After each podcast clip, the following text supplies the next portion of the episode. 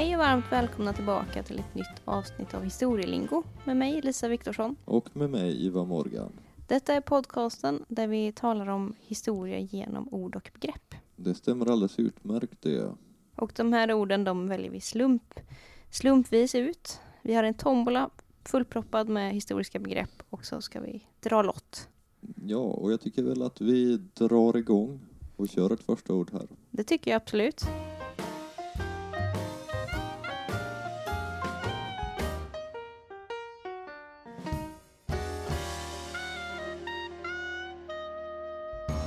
Vi ska prata om nyklassicism, för det stod det på den här lappen.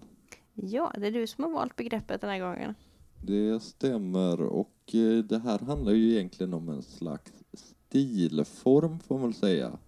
Framförallt inom arkitekturen. Mm, precis.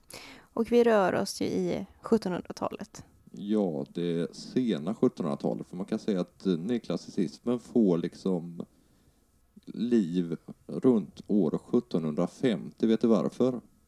Mm, nej. Jo, för att 1748 så hade man ju haft arkeologiska utgrävningar av bland annat Pompeji. Ja, just det. Och då blev det ju liksom att eh, antiken blev väldigt hett helt Mm. plötsligt. Och då ville man liksom skapa en konstform eller en konstinriktning inom till exempel arkitekturen som påminde om antiken. Precis, för det som jag tror de flesta tänker på om man hör nyklassicism så är det ju de här skulpturerna, de mer antika, eh, antikinspirerade skulpturerna. Vita var de under nyklassicismen, vilket de ju då inte var i antiken egentligen, men det trodde man under 1700-talet att de Jag var i antiken. Det trodde man väldigt länge Mm. faktiskt. Om man kommer ihåg själv liksom när man var liten och gick i skolan och eh, Mm. läste historieböcker om just antiken så ser man ju alltid de här vita marmorstatyerna. Men det är ju felaktigt. Ja, det har man ju på senare år kunnat konstatera att de har ju varit väldigt kolorerade och det Mm. finns olika typer av eh, experimentell arkeologi där man har försökt att färglägga då både arkitektur och eh, statyer och sådär. Ja, för färgen har helt enkelt vittras bort genom århundradena så att det bara är en vita liksom, skelettet kvar. Mm, precis. Och det förstår man väl lite på något sätt att man hellre vill ha färgglada statyer än helt vita under antiken. Ja, absolut. Men man får ju en helt annan ja, en, en visuell bild i huvudet av hur antiken såg ut om man föreställer sig att allt det där vita man har blivit präglad av istället var eh, väldigt färgglatt. Mm. Men varför var just då liksom antiken det man under den här tiden, under nyklassicismens tidevarv, var så väldigt intresserad av och såg upp till? På den frågan finns det egentligen bara ett svar. Demokratin.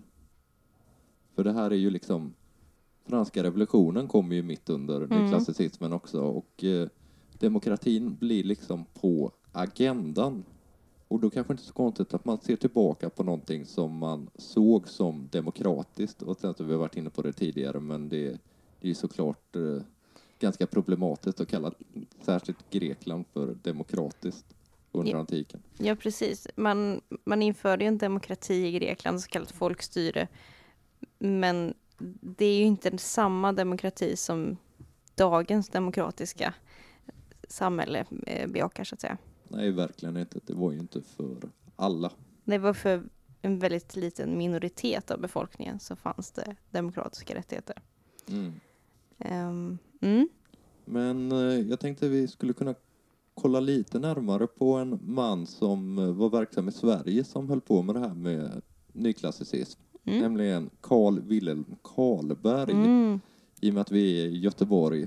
Ja, jag tror de flesta göteborgare passerar mer eller mindre dagligen rester av Karlberg, så att säga. Mm. Om man kollar nere vid Brunnsparken så finns ju Chalmerska huset där till exempel. Mm. Och det är Karlberg som ligger bakom. Men hans kanske absolut största bidrag till stadsbilden här i Göteborg är ju domkyrkan. Mm. Den tredje domkyrkan. Ja, den, den nuvarande domkyrkan i Göteborg. Precis. Och den är ju väldigt nyklassicistisk på många sätt. Mm. Det, det är kolonner liksom och det är väldigt mycket symmetri också, för det sysslar man mycket med under nyklassicismen, att man ville ha sym symmetri mellan allting och sen så skulle det vara raka och enkla linjer också, till skillnad från till exempel ja, barocken eller rokokon, mm. där det är lite mer utsvävande kan man väl säga. Och även senare hade man ju mycket mer utsmyckade eh, mm. kyrkor. Så det, man, om man kollar i Göteborg så är det ju domkyrkan sticker ju lite ut i sin enkelhet. Mm. Om man jämför med till exempel Oskar Fredriks kyrka och um, inte minst Hagakyrkan som har väldigt mycket. Ja, lite mer gotik i sig. Ja, precis. Men i alla fall, Karlberg, han kom från en känd familj. Hans pappa var nämligen också en väldigt känd arkitekt. Men lite kanske snarare en fortifikationsexpert. Han var ju verksam under Karl XIIs dagar och var faktiskt en av de personer som eh, bevittnade mordet på kungen. Ja. I, i Fredriksten har skrivit om det mycket. Mm. Och sen så vet jag inte riktigt hur mycket man ska tro på hans vittnesmål heller. Men... Eh, nej, jag, jag tror Karl XIIs död är kanske en av alla eh, frågor som eh, historien får fortsätta hålla hemlig. Tror ja, det, det tror, tror aldrig vi får veta hur, hur det gick till. Men det är lite ödets ironi att den här, hans farsa där, Bengt Wilhelm Karlberg som han hette, det var han som målade den andra domkyrkan. Mm. Som brann ner där i början av 1800-talet och då gick uppdraget till sonen att eh, rita den tredje. Så. Ja, det har vi varit inne på tidigare i den här podden också, att det var ju flera svenska städer som har brunnit genom mm. historien och en av de städerna som har varit värst drabbade av, av stadsbränder är Göteborg. Um, så att väldigt mycket av det som har varit centrala delar av Göteborg finns ju inte kvar. Nej, och det var 1802 den här branden härjade. Mm. Så nej, det, det, är intressant att kolla lite närmare på olika släkter liksom, som verkligen har satt sin eh, prägel rent fysiskt på olika städer. Mm. Och vi kan ju Göteborg bäst så, såklart eftersom vi bor här. Och Karlberg är en sån familj liksom, som rent fysiskt har verkligen präglat den här stadens historia. Ja, absolut. Men vi, vi går tillbaka till nyklassicism. Um, så det här med att gå, liksom, inspireras av antiken är ju inget som är nytt på 1700-talet, utan det har man ju gjort inte minst under renässansen ja, tidigare. Så det är ju inte taget... Det är ju inte taget från uh, tomma luften liksom. Nej, precis. Och renässansen byggde ju hela sitt varande liksom på att nu har vi lämnat den så kallade mörka medeltiden och um, rört oss in i en ny guldålder. Mm, precis. Um, ja, nej ja. men eh, vi var inne på, för inte så många avsnitt sen så var vi inne på fransk trädgård. Ja, det är väl ett klassiskt exempel liksom på hur man kan laborera med nyklassicism. Och det, som, som vi sa, det, är en väldigt ganska enkel um, stil. Mm. Symmetrisk och uh, lite kal. Mm. Väldigt snygg dock, tycker jag. Mm. Det är bara att kolla på Börshuset i Stockholm liksom, om man ser någon filmning inifrån där liksom. Så det är ett snyggt hus. Ja, precis.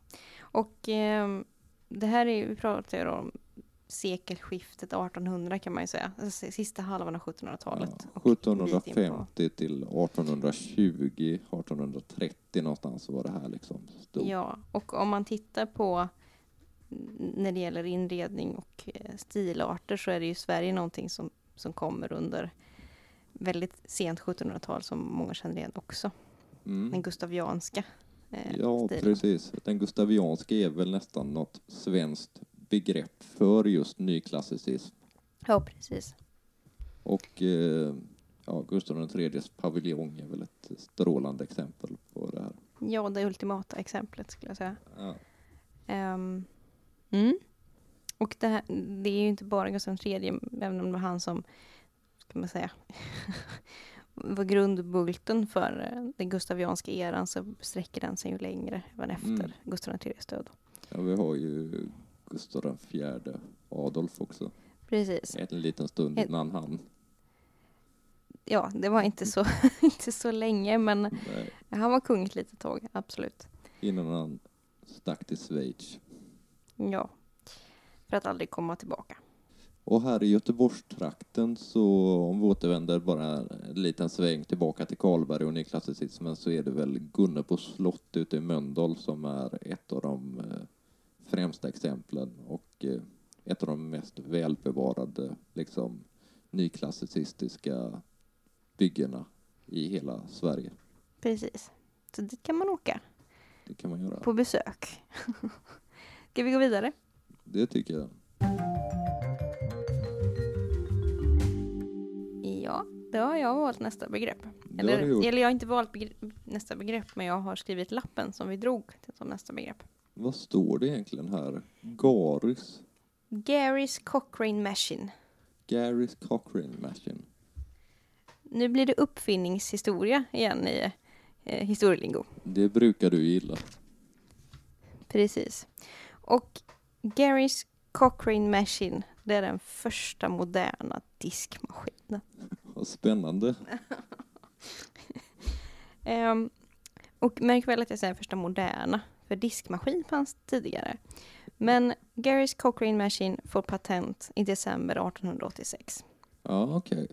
Och det är en kvinna som heter Josephine Cochrane från USA som ehm, har uppfunnit, konstruerat den här maskinen som hon då kallar för Garys Cochrane Machine. Och jag förstår henne. Det är ju fruktansvärt tråkigt att diska. Ja, ehm, men hon var inte helt först med att komma på att man ska ha en maskin för att diska. Utan det utfärdades ett patent på diskmaskin några decennier tidigare av en man som heter Joel Horton. Okej. Men den var inte eh, automatisk eller mekanisk utan det var helt enkelt en trumma. Tänk er det som en sån här tombola-maskin. Ja, jag förstår. Stoppar i disken i där, du häller i vatten, sprutar in vatten samtidigt som du vevar den. Och den var gjord i trä, den här trumman som man vevar på. Funkar inte sådär jättebra. Ehm, men 1886 då så fick Josephine Cochrane patent på sin diskmaskin som då är urmodern till eh, liksom, dagens diskmaskiner. Mhm. Och till skillnad från den här handvevade diskmaskinen som har funnits tidigare så var den här lite mer automatiserad. Den spolade in vatten mekaniskt under tryck och eh, inte bara vatten utan det var hett vatten och eh, diskmedel, tvål, diskmedel. Mhm.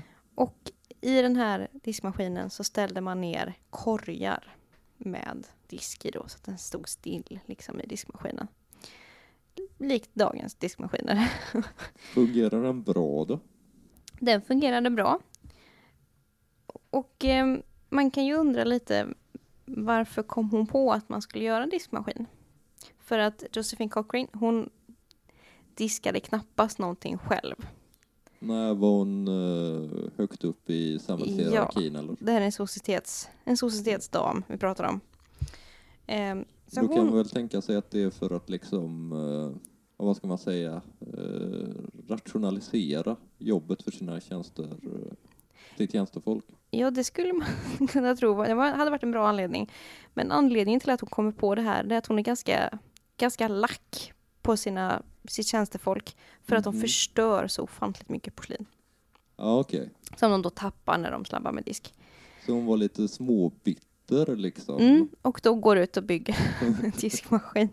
Okej. Ehm, Ja, hon vände ju liksom sin ilska till något kreativt i alla fall. Något annat kan man väl inte säga? ja, absolut. Och till en början då så gör hon den ju för sitt eget hushåll. Men ehm, den fungerar och hon får patentet och liksom gör, in, in, ja, gör affärer på det här. Och säljer till restauranger, hotell och till andra stora liksom, eh, societetshus. Eh, men det här var en gigantisk maskin så det var ingenting som liksom, folk i mest kunde ha hemma för det var en väldigt stor apparat. Då. Oh. Eh, jo, det är klart att på restauranger och hotell och så måste det ha varit superrevolutionerande liksom. Att ha Ja, en sån här. det sparade nog väldigt mycket tid. Jag vet, eh, jag läste en George Orwell-bok som heter Down and Out in London and Paris. Mm. Finns det en eh, scen kommer inte ihåg om det är delen han är i London eller i Paris, den är självbiografisk, där han jobbar i ett restaurangkök som just diskare. Och det var liksom, det var hemskt. Han står där och svetten lackar och han får ingen lön knappt och så dricker de enorma mängder vin. Men åter till diskmaskinen. Till diskmaskinens historia. Um, anledningen till att hon börjar sälja den här maskinen och får, tar, liksom, söker patent det är för att det börjar gå dåligt för henne ekonomiskt. Hennes make dör och det visar sig att han har väldigt mycket skulder efter sig. Hon får ärva ganska mycket skulder. Åh oh, nej. Så hon ja, marknadsför den här maskinen som hon kallar för Garys Cochrane Machine. Och den här blir en sensation i USA. Och den ställs ut på världsutställningen i Chicago 1893. Mm. Och hon vinner faktiskt första pris för den mest spektakulära uppfinningen. Och det här med världsutställningar lär vi väl komma tillbaka till. Det är väldigt eh, häftigt på något sätt. Ja, det, det lär vi nog definitivt återkomma till. Um, men det är inte så konstigt att Josephine Cochrane um, liksom blev uppfinnare. Nej. Hon hade det i DNA kan man säga. För um, hon nämligen barnbarn till en annan stor uppfinnare. Han som har tillskrivits ångbåten. Oj, oj, oj. Och ja. Han hette John Fitch. Och hon var alltså barnbarn till honom. Och själv så uppfann hon då den, den mekaniska diskmaskinen. Um, namnet på maskinen, mm. Garys Cochrane Machine, kan man undra var det kommer ja, ifrån. Co Cochrane säger ju sig själv för att hon hette ja. Josephine Cochrane. Um, Garys var hennes barn, alltså för hennes flicknamn. Ja, okej, okay, jag förstår. Och uh, hon använde inte sitt förnamn Josephine i, uh, i titeln. Vet du varför? Nej, ingen aning. För i sin samtid så var det inte acceptabelt för kvinnor att vara uppfinnare. Liksom nej, att nej, ha det som sitt yrke, sitt kall livet att vara uppfinnare. Så därför så tog hon inte med sitt förnamn i, för, varken i företagets namn eller i, liksom, hon kallade ju uppfinningen för Garys Cochrane Machine. Um, utan därför tog hon då sitt, sina ah, två okay. efternamn istället. Och det säger ju väldigt mycket om den tiden liksom. Ja, och det är ganska mörkt kan man tycka. Ja, verkligen. Det är att, att hon kom på den här uppfinningen men inte riktigt kunde få få cred för det. Men det går ganska bra för det här företaget. Och faktum är att det företaget som idag heter Whirlpool. Mm. Eh, De nog, känner jag till. Så nog många har en diskmaskin hemma kanske med märket Whirlpool. Eh, det är en avkomma så att säga till det här Jaha, bolaget som hon... Slags dotterbolag eller och vidareutveckling? Efter ombildningar och sådär eh, så har hennes bolag som då hette eh, Garys Cochrane Manufacturing Company har då liksom ombildats och så, och så vidare och idag heter det Whirlpool. Mm. Det kan det man tänka på nästa gång man diskar någonting i sin Whirlpool-maskin. Ja, precis. Jag tycker det är lite häftigt. Um, men den här liksom första stora, den var ju som jag sa väldigt stor, det var ingenting som folk kunde ha i hemmet på det sättet. Nej. Utan den första ja, diskmaskinen så som vi ser den idag, som är liten och smidig under diskbänken. Liksom. Den, den lanserades först 1960. Och jag antar att den är lika stor som ett kök liksom nästan. Ja, precis. Det var en gigantisk maskin. Så 1960 kom då diskmaskinen så som vi ser den idag då. Mm, och det får man väl också säga är en del i någon slags emancipation liksom. Man brukar ofta tillskriva just i 60-talet att det är där någonstans 50-60 som kvinnan börjar frigöra sig liksom från hemmet och det är mycket på grund av teknisk landvinning också. Mm. Att uh, det är inte lika liksom uh, tidskrävande att vara i hemmet längre. Nej, precis. Um, Josephine Cochranes diskmaskin, som jag sa, den eh, var ju automatisk på så sätt att den fungerade genom tryck. Mm. Eh, men 1929 så kommer den första då elektriska eh, versionen av hennes diskmaskin. Och sen då 1960 kommer den första, ja, som är modern och som Normal. ser ut ungefär så som den gör idag. Ja, nej men jag vet inte hur mycket mer man kan prata om diskmaskinens historia. Jag kan tycka det är intressant att tala om uppfinningar som, som folk har använt i vardagen. Liksom, Ja, som, som, ehm, som folk har haft att göra med varje dag. Så att, eh, ja, det var väl Garrett Cochrane Machine. Ska vi gå vidare? Vi går vidare. Här är ytterligare ett begrepp du har skrivit och eh, nu ska vi väl in i den kungliga världen igen som så ofta. Vi ska prata om nationella dräkten. Jo, precis. Och vi ska tillbaka till 1700-talet. Mm, ännu en gång det här avsnittet. Ja, Det är alltid trevligt att hälsa på. Eh, och begreppet den nationella dräkten. Mm. Och ehm, det här är någonting som återigen Gustav III förde in i svenska, svenska hovet. Ja, han hann med mycket den mannen faktiskt. Han var inte kung under jättelång tid egentligen, eh, under 20 år, men han hann med desto mer. Ja, alltid när det är något så här galet påhitt så är det nästan alltid Gustav III man har att skylla. Ehm, Men den nationella dräkten, även kallad då svenska nationella klädedräkten, lanserade Gustav III 1778. Mm. Och var, vad var då detta?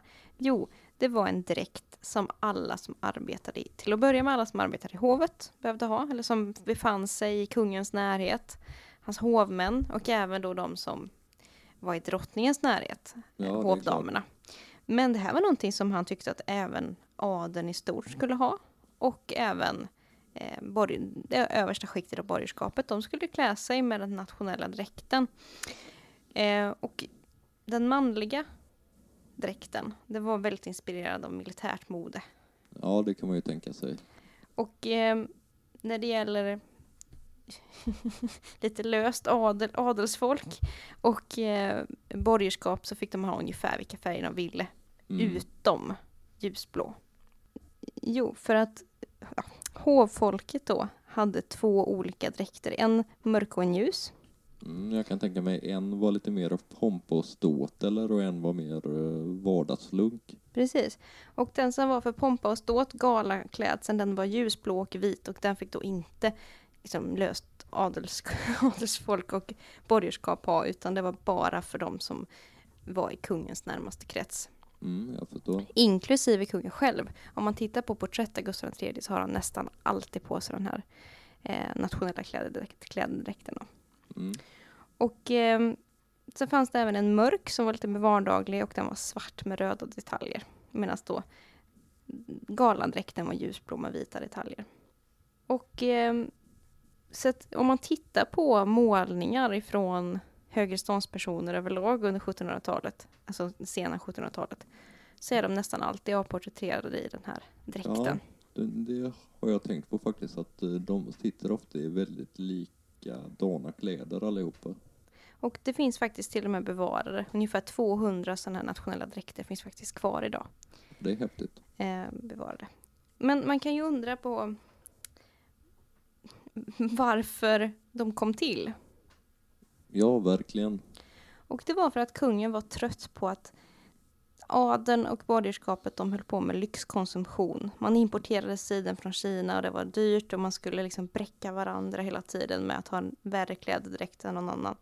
Ja, jo, det är jobbigt om man är Gustav III och eh, vill synas och eh, Precis. vara störst, bäst och vackrast. Risken var ju att någon kunde skugga hans stjärnglans så att säga. Ja, någon har köpt något riktigt, riktigt schysst sidentyg från Kina liksom. Precis. Kommer in där insnidande på, på slottet med ett hånleende och bara kollar bort mot kungen och så kunde ju inte kungen ha det. Nej, det gick inte för sig. Och de här nationella dräkterna var ju också inte mönstrade utan de var enfärgade. Ehm, så det var för att häva den här lyxkonsumtionen och det var väl dels då för att han inte ville ha konkurrensen men Mm. också för att ehm, det var nämligen så att under det sena 1700-talet så gick det lite dåligt för adeln. Om man tittar på vad som hände i Frankrike så förstår man Ja, ju ja. varför. Och En ekonomin... del miste något huvud eller två. I Frankrike, ja precis. I Sverige så miste de ganska mycket pengar, adeln. Och ehm, ja, Gustav III tyckte att det var onödigt att hålla på med lyxkonsumtion. Och därför så in- instiftade han de här nationella kläd- kläddräkterna. Den kvinnliga varianten hade samma färgsättning, alltså ljusblåvit för finare tillfällen och eh, svart och röd för ja, mer vardagliga Mm. tillfällen då. Och eh, damerna var väl inte alltid jättenöjda med den damvarianten av dräkten. För den följde inte med modet i Europa, utan klänningarna som de stackars hovdamerna fick ha på sig var väldigt inspirerade av rokoko och ja. 1600-tal och de var väldigt otympliga och obekväma och framförallt ganska så inte tidsenliga. De var inte senaste modet liksom. Nej, det var inte nyklassicism direkt. Och eh, bland annat Hedvig Elisabeth Charlotta var väldigt besviken på att behöva gå runt i den här klädedräkten för hon var intresserad av mode och följde med vad som hände i Paris och sånt där. Eh, och nere i Europa så, det här var ju någonting man gjorde i Sverige Mm. och nere i Europa så skrattade man ju åt kungen. För att de tyckte det var urbota dumt att, man skulle, att hela hovet skulle gå runt och vara precis likadant klädda. Ja, man kan tänka sig liksom en camping nere i Tyskland eller Frankrike och sen så kommer det en husvagn med massa svenskar och alla går runt i samma träningsoverall. Ja, det blir lite löjligt. Det blir lite så skoluniformskänsla. Mm. Eh, men faktum är att den lever kvar liksom även efter Gustav III. Inte den manliga klädedräkten, den, den raderas ut lite successivt. Men den kvinnliga lever faktiskt kvar. Ja, Fast- jag har hört något om det. Det är väl eh, allas vår drottning som eh, införde det. Ja, jo, det också. Jag det- kan återkomma till det. Men ifrån 1700-talet så fortsatte man med kvinnlig hovdräkt. Ja, okej. Men man ändrade så att den bli mer modern och sådär. Och den hade man eh, ehm, ända fram till 1974. Hade man ja, den här kvinnliga hovdräkten. Ja, så 1974 så slutar man använda den här hovdräkten. Eh, Men sen, sen så vilar den då fram till 1988 då drottning Silvia återinför en eh, hovdräkt. Mm. Och eh, den nutida kvinnliga hovdräkten är ju eh, lite mer anpassad för att kunna använda då. Ja, det får vi Och, väl ehm, hoppas i alla fall. Den är i blå sammet och den är, eh, har eh, guldgula eh, galler på, på ärmarna och det är puffärmar. Eh, och det kan man se drottning Silvia själv i eh, ibland. Jag tror ganska länge sedan nu men det finns, finns bilder på det och framförallt så använder hennes ja, anhängare eller, eller hennes eh, Hennes anhang. hennes, eh, hennes, hennes liksom närmsta medarbetare använder det här då. Så det kan man se på olika eh, så här, kungliga tillställningar så kan de ha hovdräkt ibland. Mm. Jag vet att när något av kungabarnen gifte sig så var det ganska många som kom i hov, hovdräkt och så. Ehm, så det är en gammal tradition som har återinförts faktiskt. Men tack och lov så har de sluppit de här stora rokoko- rokoko-klänningarna och korsetter och sånt där utan de ganska, ganska enkel samhällsklänning idag. Det är ju alltid något. Ibland går utvecklingen framåt. Ja, ska vi, ska vi sätta punkt för idag kanske? Det kan vi göra.